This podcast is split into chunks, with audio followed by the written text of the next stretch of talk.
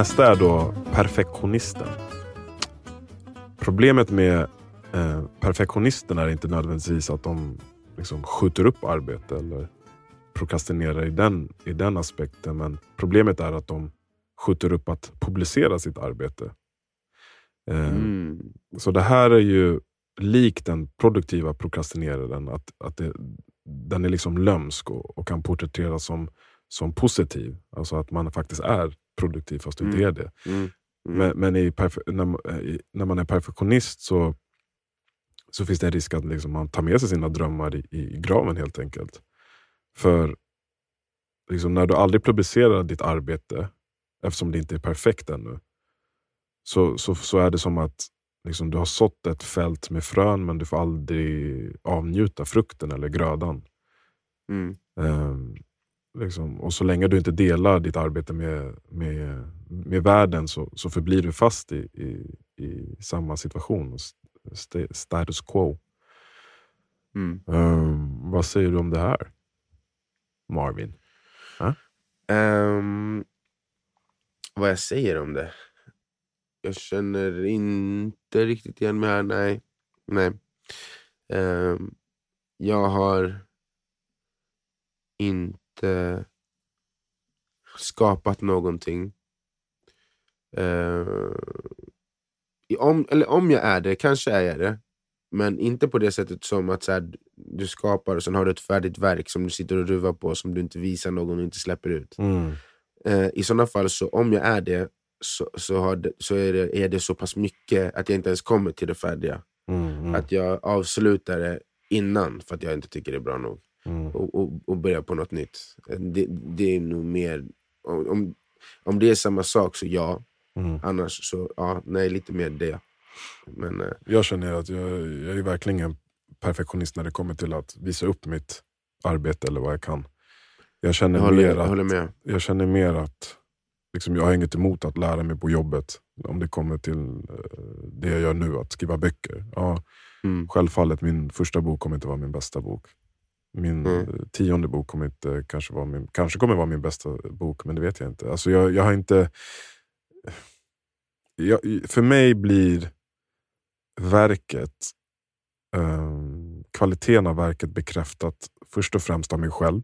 Att jag ens vill dela med, det, dela med mig det till, till eh, den första som ska läsa det.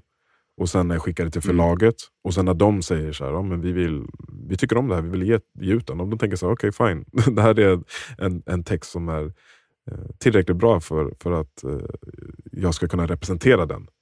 Sen Mm. tänker jag inte så här, det här måste vara mitt bästa, det här måste vara perfekt. För att alltid när jag läser, eller jag brukar avstå från att läsa mina verk efteråt, men när jag väl gör det så ser jag ju massa saker. Bara, fan, jag borde gjort så, eller fan, det gått så. Och det är okej, det, det, det känns bara som att jag lär mig av det. Eh, Mm, så att, mm. så att, att stå naken inför världen är inte så läskigt tycker jag. Eh, för att, för det är ju, jag tror det där mycket beror på liksom, att blotta sig själv och, och visa sårbarhet, speciellt när det kommer till skapande grejer. Mm. Ehm, så nej, så att jag... jag ehm, ett konkret tips för en jag vet inte, per, perfektionister är svåra att komma åt tycker jag. Att jag har inte direkt något jättebra konkret tips känner jag hur man skulle... Nej, för det känns som att de där. inte accepterar att det är en grej. Liksom. Mm, Alltså, om du är en perfektionist, då tycker ju du att det är bra att, vara, att du är perfektionist. Liksom. Ja, det är en ganska stor egogrej på något sätt. Så här, jag Ja, vet vad det här behövs för att vara perfekt, men perfekt finns ju inte heller. Mm. Alltså, så den bilden Mm. av att, att eh, alltså, det är inte modigt att eh, gömma ditt, din konst tills det blir perfekt. Liksom, för det kommer aldrig, du kommer aldrig nå dit. Men det är intressant också för att det finns ju ändå så här... För att nu utgår vi från prokrastinering. Men det finns ju många historier om människor som har producerat storverk som kallar sig själv, eller som i alla fall andra kallar för perfektionister. Mm. Som, som pillar på minsta lilla detalj, som jobbar på varenda, gnuggar på varenda grej för att de tänker att allting ska vara exakt så som jag har visualiserat det. Ja. Och sen så blir det det. Och så blir det ett mästerverk. Så det känns ju också som att det, det finns olika sätt att vara perfektionist. Alltså, det finns ett sätt där du bara, det är aldrig perfekt för att du inte vet vad perfekt är. Men sen så finns det ju de som har en bild för, innan de börjar. Så här ska det vara. Mm. Och sen så, så är de inte nöjda förrän det är så. Och det, är väl, det, om du, för det, det känns som att bara säga att perfektionism är dåligt, då kommer, då kommer de som kanske är det och tycker det är bra bara säga ja, men För jag tänker, um, de flesta som jag har hört som skapat storverk, de har beskrivits som otroligt neurotiska när det kommer till sina arbeten. Det har inte varit människor som bara “this is the shit”. Utan det är, det är människor som är såhär “no, no, I just gotta make it just right. I just gotta make it just right”. Mm. Och så liksom så ängsliga. Och sen, men sen så leder det till att de faktiskt gör någonting som är sjukt. Så det, ja, det, alla de här är ganska intressanta för mig. För det, det är som ehm, och det är som du uttrycker, att det- det är ju saker som människor ser som, i, i vissa fall som bra kvaliteter, men som om man inte gör det om man gör det på fel sätt så blir det bara prokrastinering. Ja. Alltså för att, att perfektionist är ju inte bara kopplat till negativ, negativa saker, utan det finns ju många som tycker det är en positiv sak. Ehm, Mm. och, ja. Ja men fett intressant ju. Det väcktes fler Mm. tankar nu när jag, när, jag, när jag delade med dig än när jag eh, gjorde det här innan. Så det, det är intressant att se. Eh, Okej, vi kör sista då. Mm. Då har vi kunskapsmissbrukaren. Mm. Och eh, En sån läser ju många böcker. Den tillbringar många timmar med att lära sig men liksom tillämpar sällan de här kunskaperna i verkliga livet. Mhm. De tänker att kunskap är makt.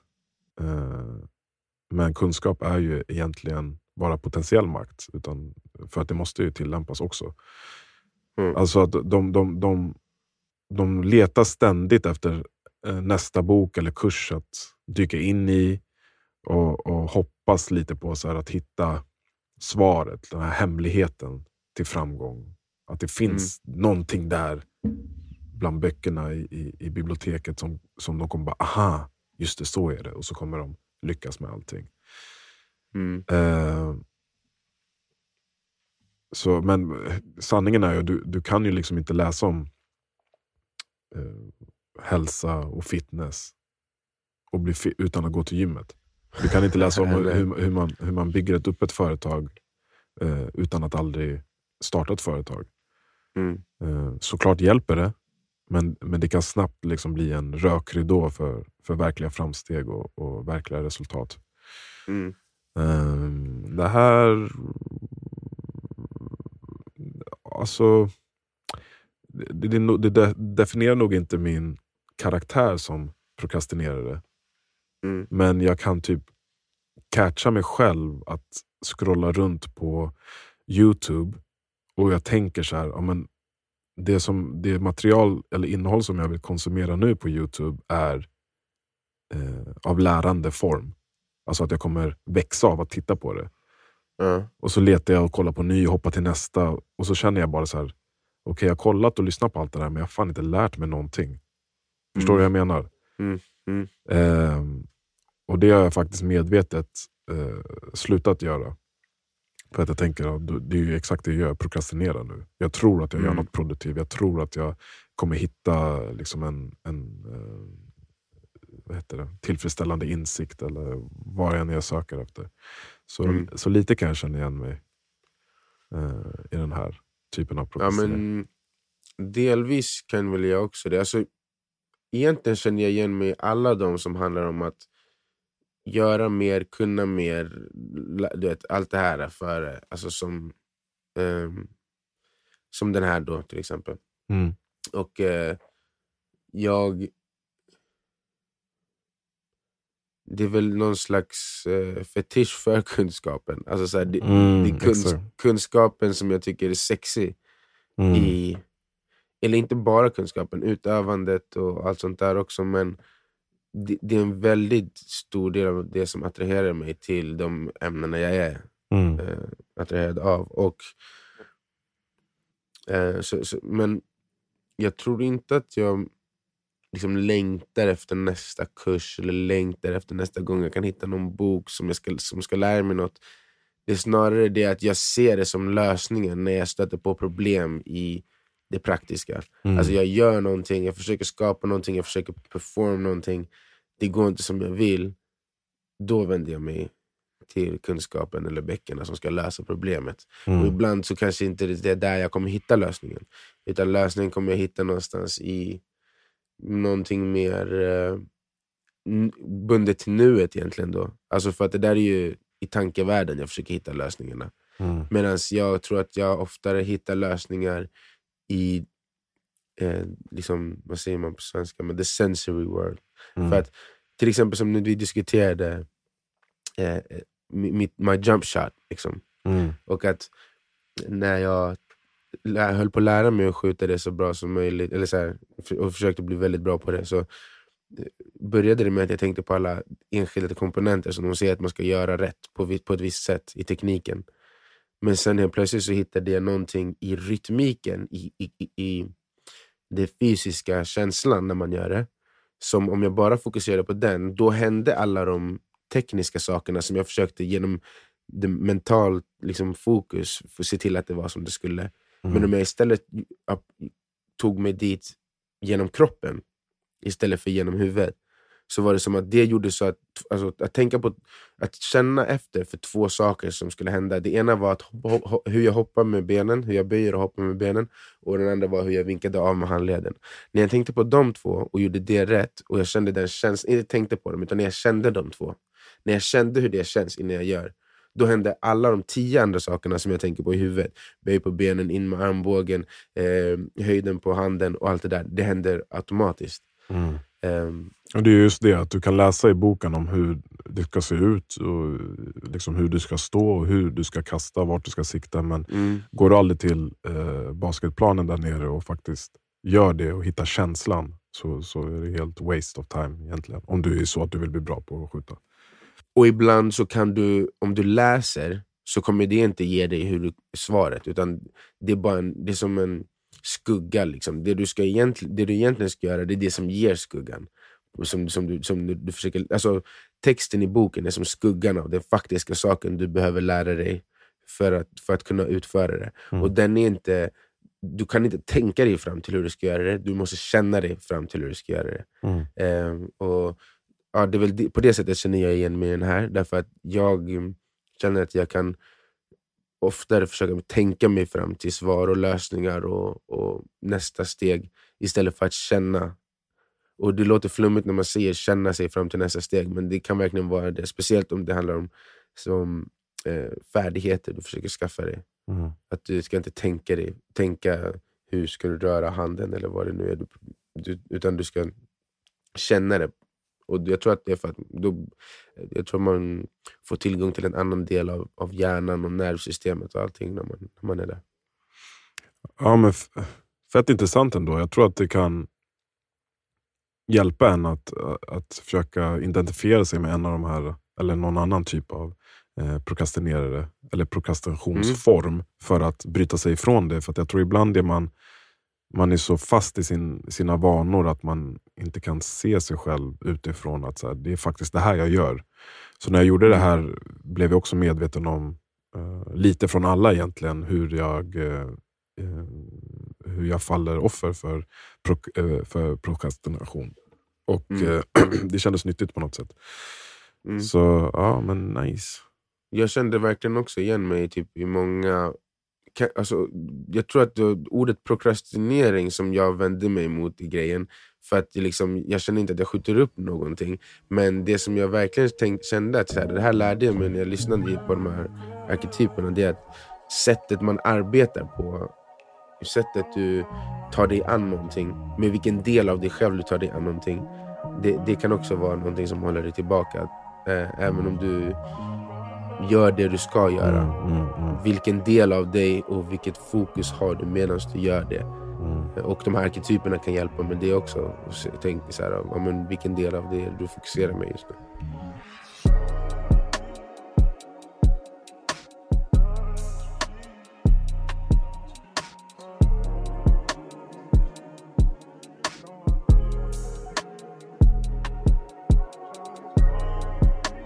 Nej, men det var väldigt intressant det här med motståndet och vi har ju pratat om det som sagt eh, många gånger förut. Och det slog mig, eller jag, jag fick en koppling mellan det här Och eh, många, eller En grej som står i många av Robin Sharmas böcker, för han pratar också om motstånd. Mm. Ehm, och sen så pratar han om att vi är beroende av att vara distraherade. Mm. Och Eh, det känns som ett svar på det här motståndet. Och det, det slog mig, och det har vi också pratat om förut, liksom hur vi lever igenom berättelser som vi blir matade med istället för att leva våra riktiga liv. Och det känns som att det är en del av prokrastineringen, av motståndet. Att vi, för att vi har ett behov, känns det som, av historieberättande. Mm. Alltså eh, dramaturgiska kurvor som ska föra oss på en resa. Mm.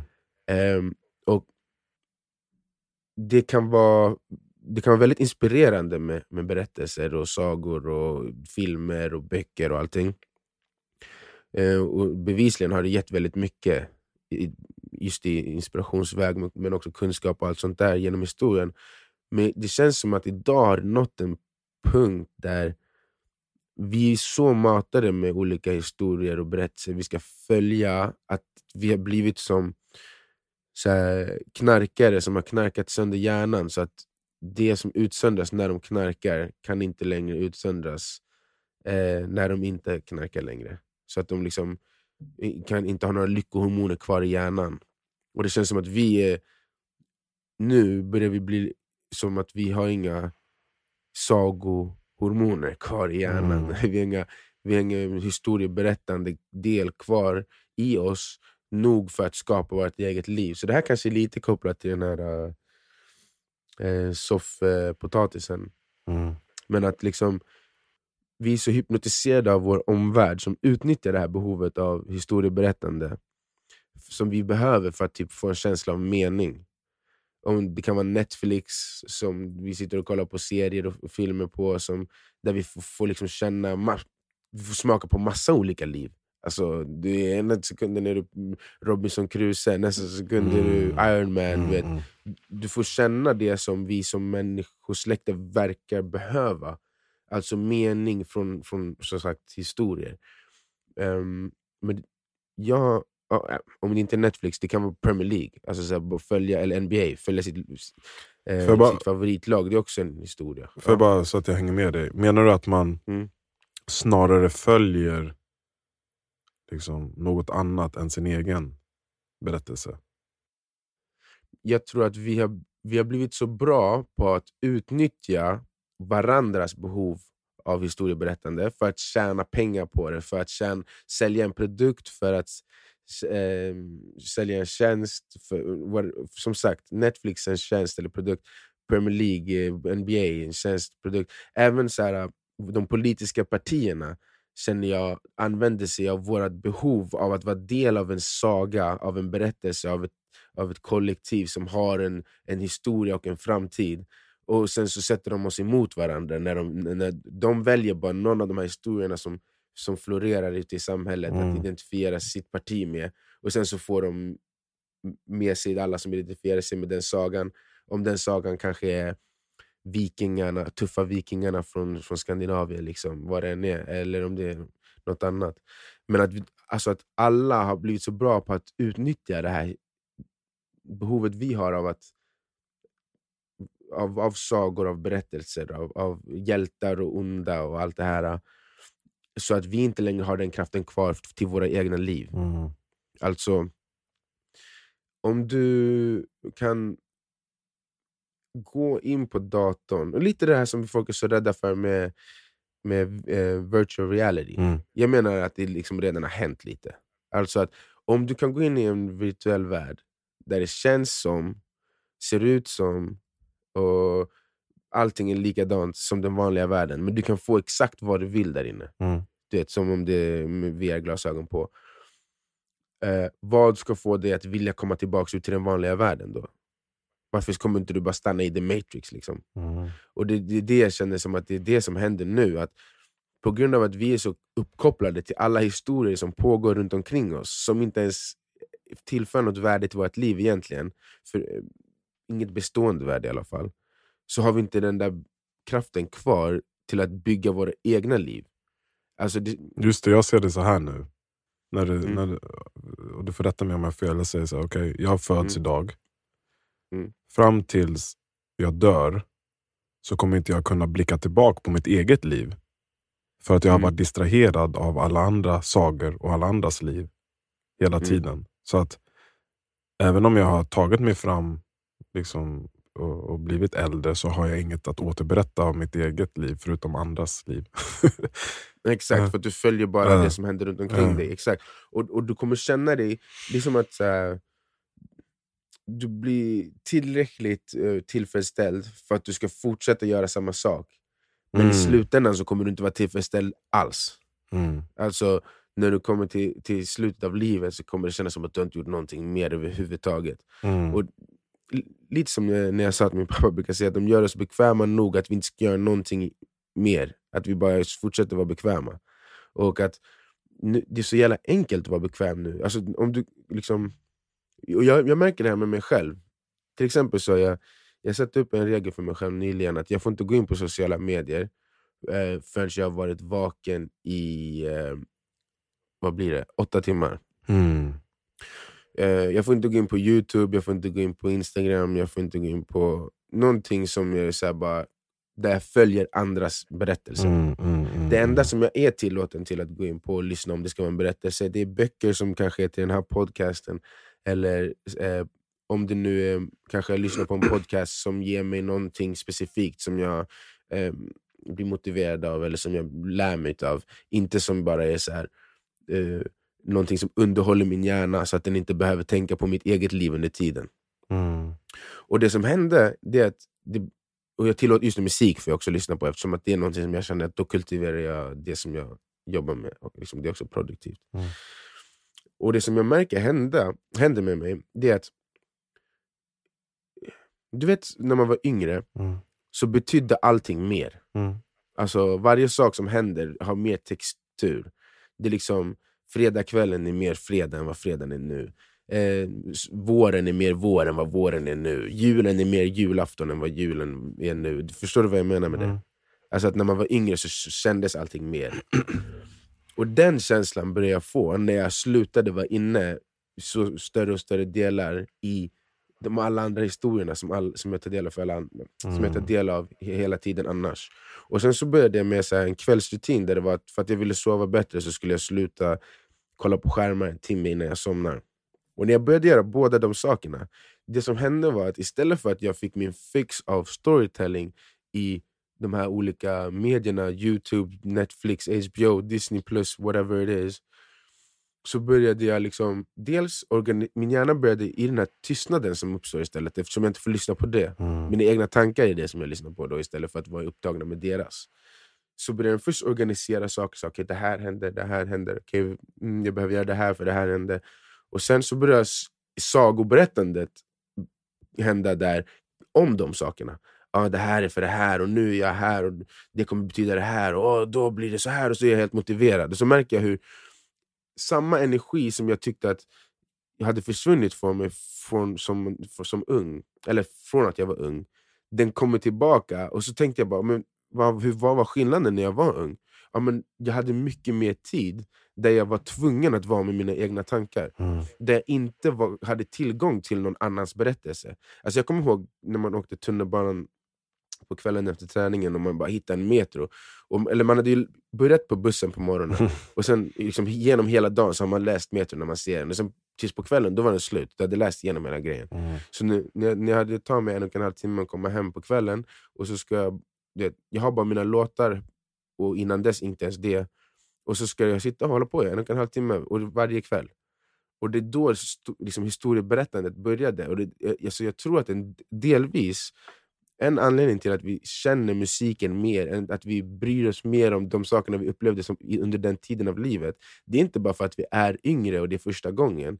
Det är också för att vi är mer med, när, vi var mer närvarande då, för att vi inte hade lika många saker som distraherade oss från vårt eget liv och, och som tog ifrån oss den kraften vi har att ge mening till vårt eget liv med historieberättande. Förstår du vad jag menar? Mm. Nu, nu, så fort som vi har en död stund så är vi inne i det kollektiva historieberättandet. Mm. Och, och det ger ingen tid till att utveckla ditt personliga historieberättande om ditt eget liv. Och Jag vet inte om du känner igen det här, för jag tror att du inte heller har varit lika distraherad eh, som de flesta människor är. Men jag tror att många kan känna igen sig att liksom, eller jag, jag känner det här väldigt starkt i alla fall, att när, när jag minskar på hur mycket jag tar del av eh, berättelser som inte har så mycket substans, som kommer från eh, det, om det kollektiva berättandet. Om det är tv-serier, eller om det är saker som händer i tidningen, eller om det är saker som händer i eh, men, wherever, i en bok. Mm. När, då tas den kraften in i mitt eget liv och det är som att varje sak som händer i mitt eget liv får mer av en historieberättande, bärande kraft Mm. som gör så att det liksom betyder mer för mig och jag känner mer mening i mitt eget liv. För att jag, förs- jag ger inte bort så mycket Mm. av den meningsskapande kraften in i alla de här sakerna som alla andra vill att jag ska bry mig om istället för mitt eget liv. Och Det känns mycket mer grundat och mycket mer eh, liksom, som att inte hela, vad som händer i omvärlden inte, så, inte kan påverka mig så himla mycket. För att jag är inte så uppkopplad till det. Jag är istället uppkopplad till min egen historia, min egen berättelse, min egen saga. Men jag håller alltså helt med er där. Och vi har ju pratat en del om meditation och, och, och meditation i all ära, men det här är ju för mig verklig eh, meditation som faktiskt har betydelse på riktigt. Precis Mm. det du förklarar nu. Att vara Mm. uppmärksam om dig själv bara och din egen resa och vad du gör Mm. och vad beslut du tar och vad du har och vad du inte har. Det är meditation, det är att vara medveten. Mm. Men det är så Exakt. mycket lättare att bara eh, ta upp den här fyrkanten och stirra i den och titta på vad alla andra har. För att det kan vara jobbigt att möta sig själv ibland. Det kan vara jobbigt att se sig i spegeln. Mm. Men när du gör det dag efter dag, timme efter timme, varje stund där du, där du skulle ha tråkigt annars. Mm. Så blir det som du säger, du blir en junkie. Du blir en, du Ja, blir exakt. en, en, en person som missbrukar eh, intryck, missbrukar historier, du missbrukar eh, din, liksom, ditt dömande på något sätt. För det vi gör, vi dömer ju allting vi ser som läggs framför Mm. oss hela tiden. Mm. Man blir jävligt Mm. trött av det. Och som Mm, du säger, då har man exakt. ingen energi av att eh, rannsaka och se sig själv ärligt och, Mm. och med öppenhet.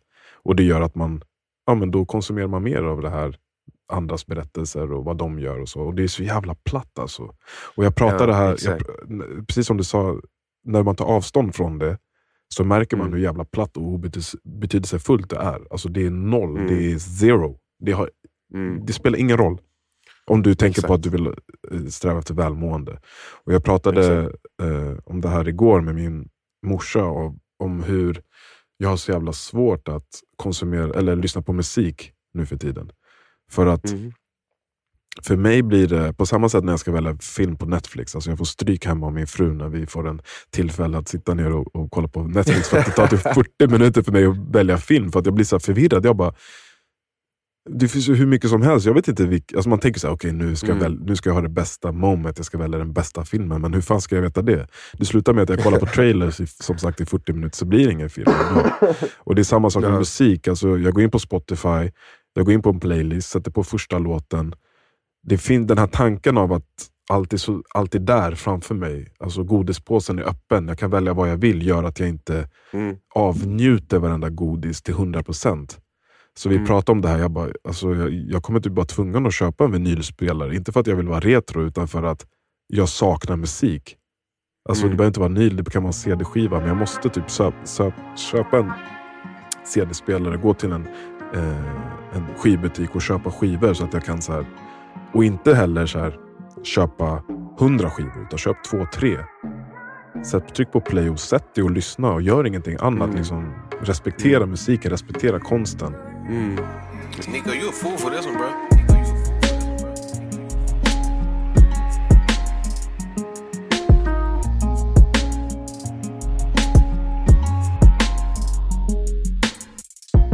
Nej men eh, jag sa någon gång också för något avsnitt att jag blir så här.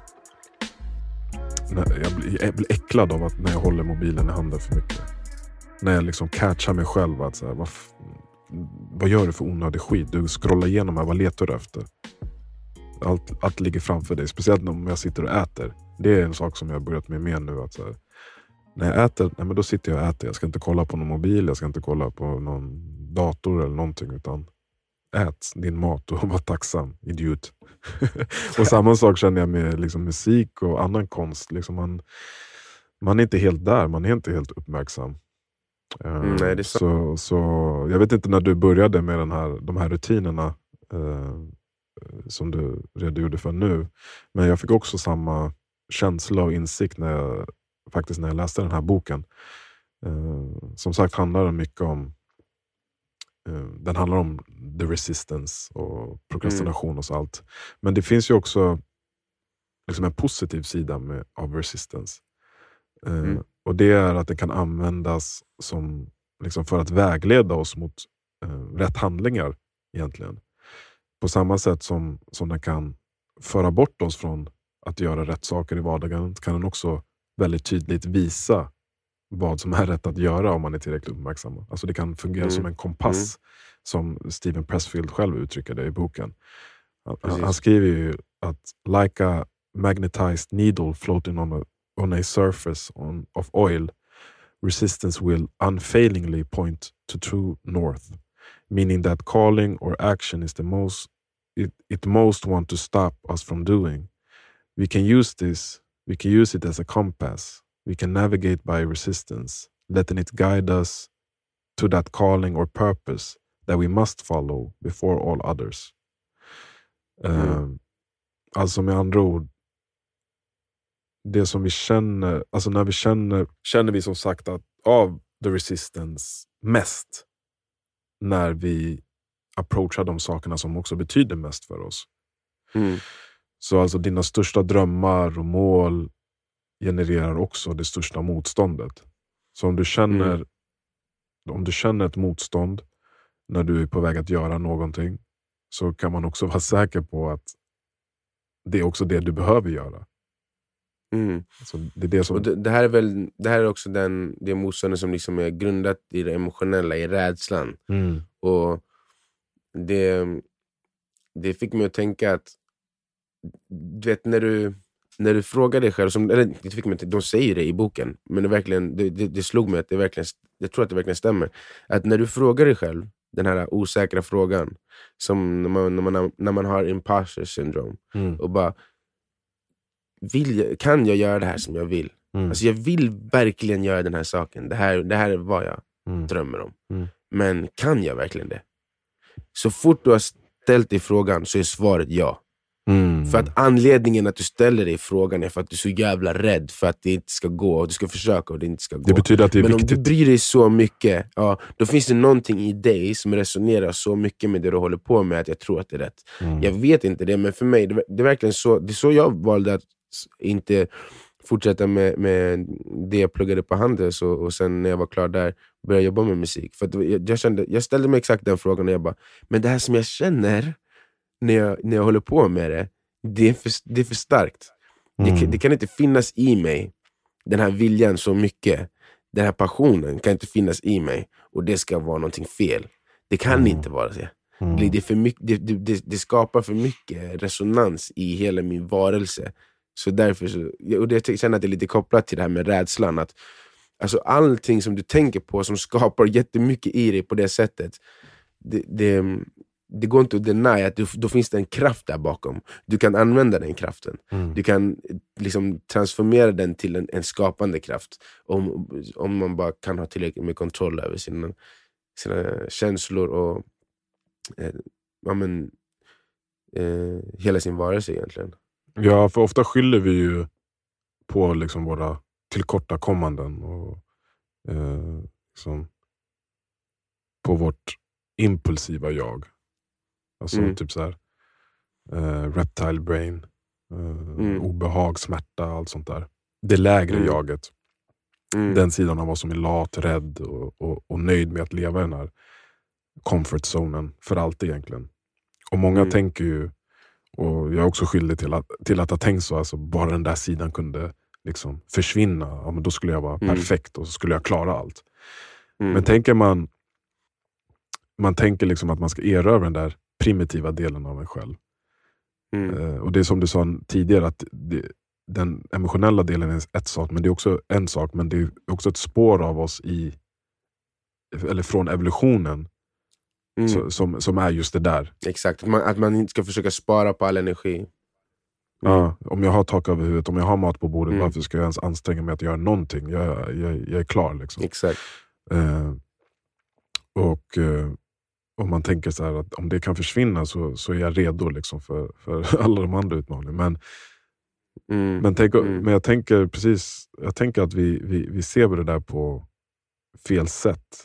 Alltså att, att det, det är mer idag, i samtiden, i alla fall för dig och mig och de som är i liknande situationer, att, att identifiera resistance och att lyssna på den när den kommer. För att det, det, det indikerar att, att det är viktigt. Liksom. Och, och Det där kan vara för varje Mm. ögonblick också. Eh, liksom I den dagliga kampen, i att livet kastar på oss, verkar våra drömmar och mål ibland väldigt långt bort. Alltså så här, eh, Mm. för långt bort och vi undrar om vi någonsin kommer nå dit. Och hur fan ska man, Mm. vart ska man börja? Och, och liksom, I detta ögonblick, vad, vad, vilken handling är det jag behöver göra som ska föra mig närmare dit? Mm. Så, så, så känns det ju, så är, så är resistance väldigt bra för att peka åt rätt eh, riktning. Alltså det kan vara som en personlig GPS, alltså ett personligt GPS-system. Just. Eh, Mm. som, som, som hjälper oss att eh, navigera genom alla de här oändliga antal valen och möjligheterna som, som finns. Mm. Eh, Mm. Så eh, ja, Det är intressant det där att samtidigt som att det är en väldigt stark motståndskraft som också gör att vi faller offer för eh, exempel prokrastinering eller rädsla. Så är det också Mm. det som, som visar på vad vi faktiskt behöver göra. Eh, så det blir... You can use electricity to cook a man. You can use electricity to cook a man dinner, but you can also use electricity to cook the man. Ja, ja, det är så. Det verkar som att det är som med alla såna här äh, krafter, naturkrafter i, här i, i livet. Att det, det är ett dubbeleggat svärd. Ja, verkligen. Och du, du, du var inne på det, att det här med rädsla, att det är samma sak där. Och fram tills nu har vi väl varit ganska orättvisa mot just rädsla i den här podden, eller hur? Alltså vi har pratat mycket om att så Mm. var inte rädd. Och, liksom, Mm. det, det kanske Mm. går hand i hand ändå. Alltså- så här. Känner du rädsla så är det ju förmodligen någonting som, som du tycker är eh, viktigt för dig och som du faktiskt behöver göra. Alltså jag tror att det, det, det kanske är lönlöst att ens försöka kontrollera när man ska känna Ja, rädsla eller inte. Men att, att agera på rädslan, det är det som jag tror att vi egentligen menar att man inte ska göra. För att du kan känna den och om du vet att den är där och det inte betyder någonting negativt egentligen. Då kan du fortsätta åt samma riktning och veta till och med att okay, det här betyder någonting, att jag ska vara ännu mer fokuserad och ännu mer taggad i den här riktningen jag är på väg. För att det betyder att det här är viktigt på något sätt för mig. Mm. Ehm, att vara rädd, det är som, jag tror det var det Mufasa? Nej? Men att du kan bara vara modig när du är rädd. precis. Ja, så istället för att kriga mot rädslan, alltså att bekämpa the dark side, djävulen eller vad fan du vill Mm. kalla det. Så, så, så Mm. borde vi ju i alla fall, inte slå samman helt, men ändå liksom gå hand i hand med den på något sätt. Mm, Eh, mm, för att det kommer, verkligen. det kommer vara till vår fördel. Eh, för att Mm. den, den, den ger oss en signal av vad som är viktigt. Och det är väl, om man, om man går tillbaka till uh, Hunter Gathering så var väl rädslan en jätteviktig grej. För att det visade ju på så här, okej, verkligen. nu kommer jag dö eller så kommer jag inte dö. Ja, Och för exakt. oss handlar det nu Så är om det så inte här, längre. okej, du kommer bli en bra gitarrist eller inte. Förstår du? Så att värdena är, värdena är ju, eh, kan, man, Mm. kan ju man värdera som man vill, men det är ju faktiskt så vi Mm. lever idag. Och, eh, ja. Men- Mm, mm. Ja, men verkligen, och det, det blir bara så här som att hjärnan den kan se att om du misslyckas med den här saken, då är det omöjligt det här som du vill åt. Det betyder att det är läskigt och därför är jag rädd och därför blir det motstånd. Men att om du misslyckas med den, betyder att du inte kommer klara det. Det betyder att det är ännu viktigare att du ska göra det. Så att om du är rädd så betyder det alltså direkt, det här är verkligen det viktigaste för dig att Mm. göra. Det, det är som så här, om du har en to-do-list, börja där du är mest rädd. Mm. Ja, precis.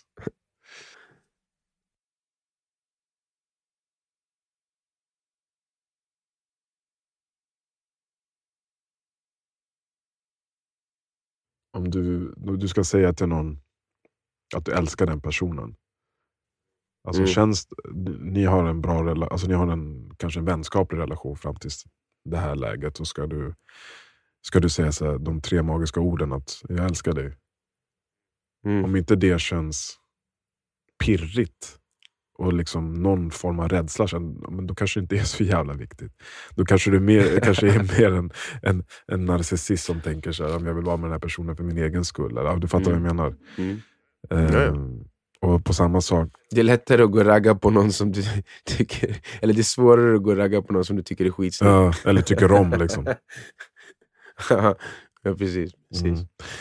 Ja, men även, jag, tänkte, jag försökte ta det till något än, ännu lättsammare. Det, är så här, det behöver inte ens vara så tungt som att du älskar personen. Det kan bara vara, du ser det på en sån liten Ja. nivå. Om du är någon som, bara, som du tycker ser så här, det här är någonting nice, då, då, då blir du automatiskt mer motstånd att göra Mm. det. Kan vara så ytligt som att personen är. Ja. och, och, exakt.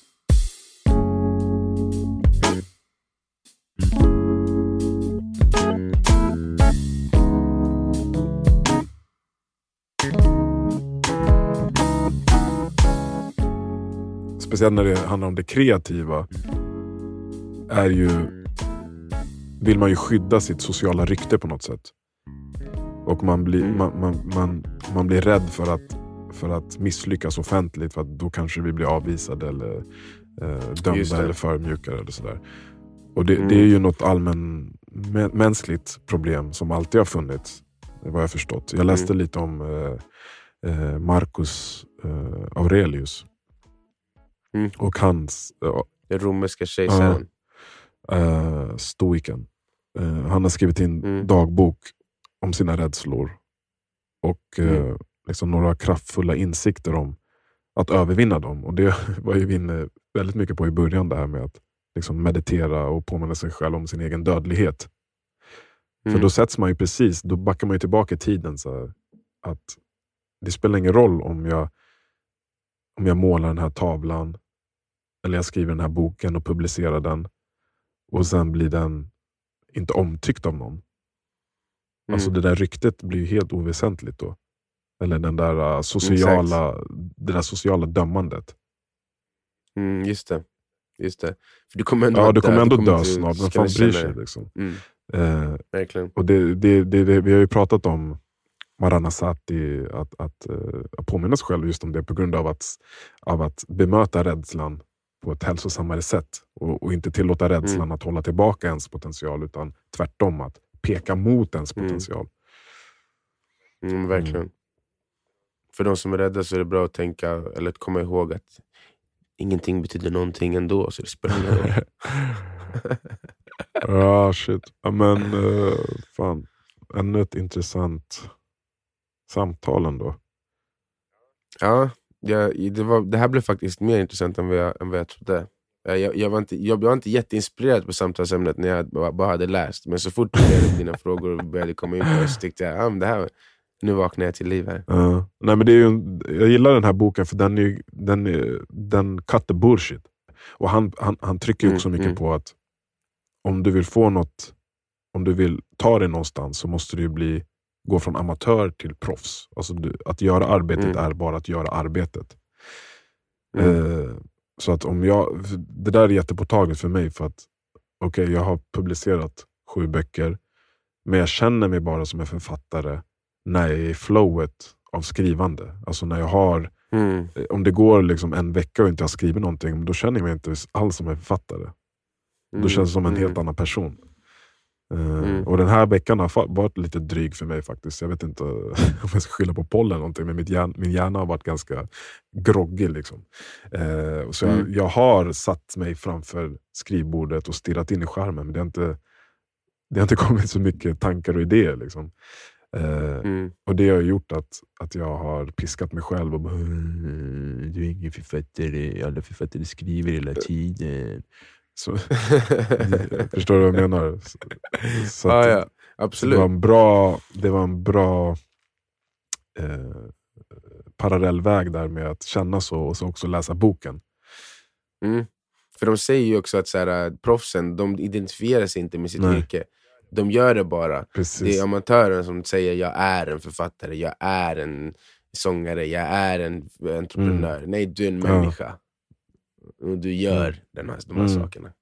Och det avdramatiserar och tar bort rädslan menar de på. Och det kan jag verkligen tänk, se. Mm. Alltså för du, om du är det, då är det ju hela din, ditt värde som människa som är på spel varenda gång du ska prestera. Men om, du, om det bara är vad du gör, så det, då kan man nog kanske lättare ha den attityden som du säger att du har när det kommer till dina böcker. Att det, här är vad jag, jag har lyckats göra med mina nuvarande eh, färdigheter och det är det bästa jag kunde, så nu går jag vidare och gör bättre nästa gång Mm. med, med fler färdigheter. Mm. Och, ja. så det, det kanske är mest för folk som behöver avdramatisera de här sakerna, så Mm. att, att försöka tänka på Mm. det här.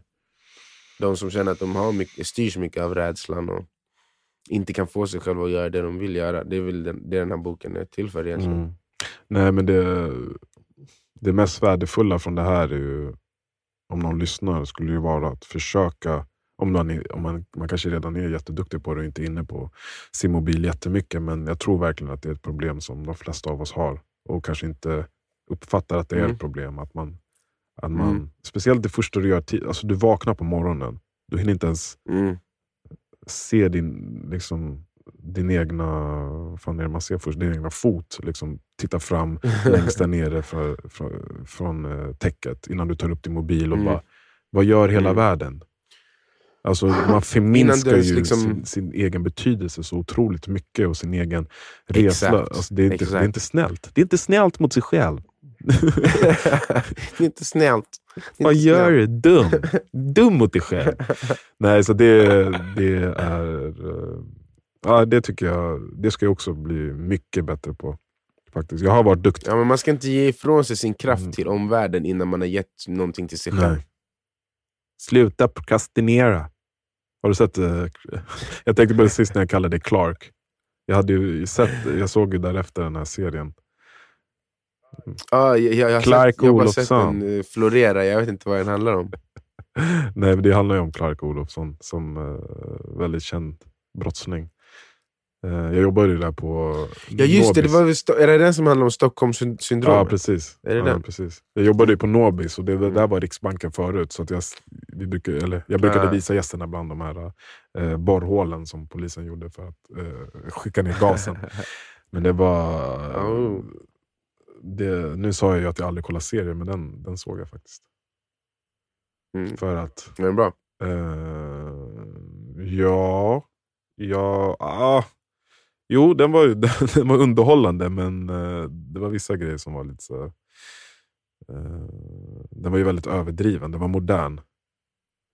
Mm. Eh, och hur mycket som är sant vet jag inte.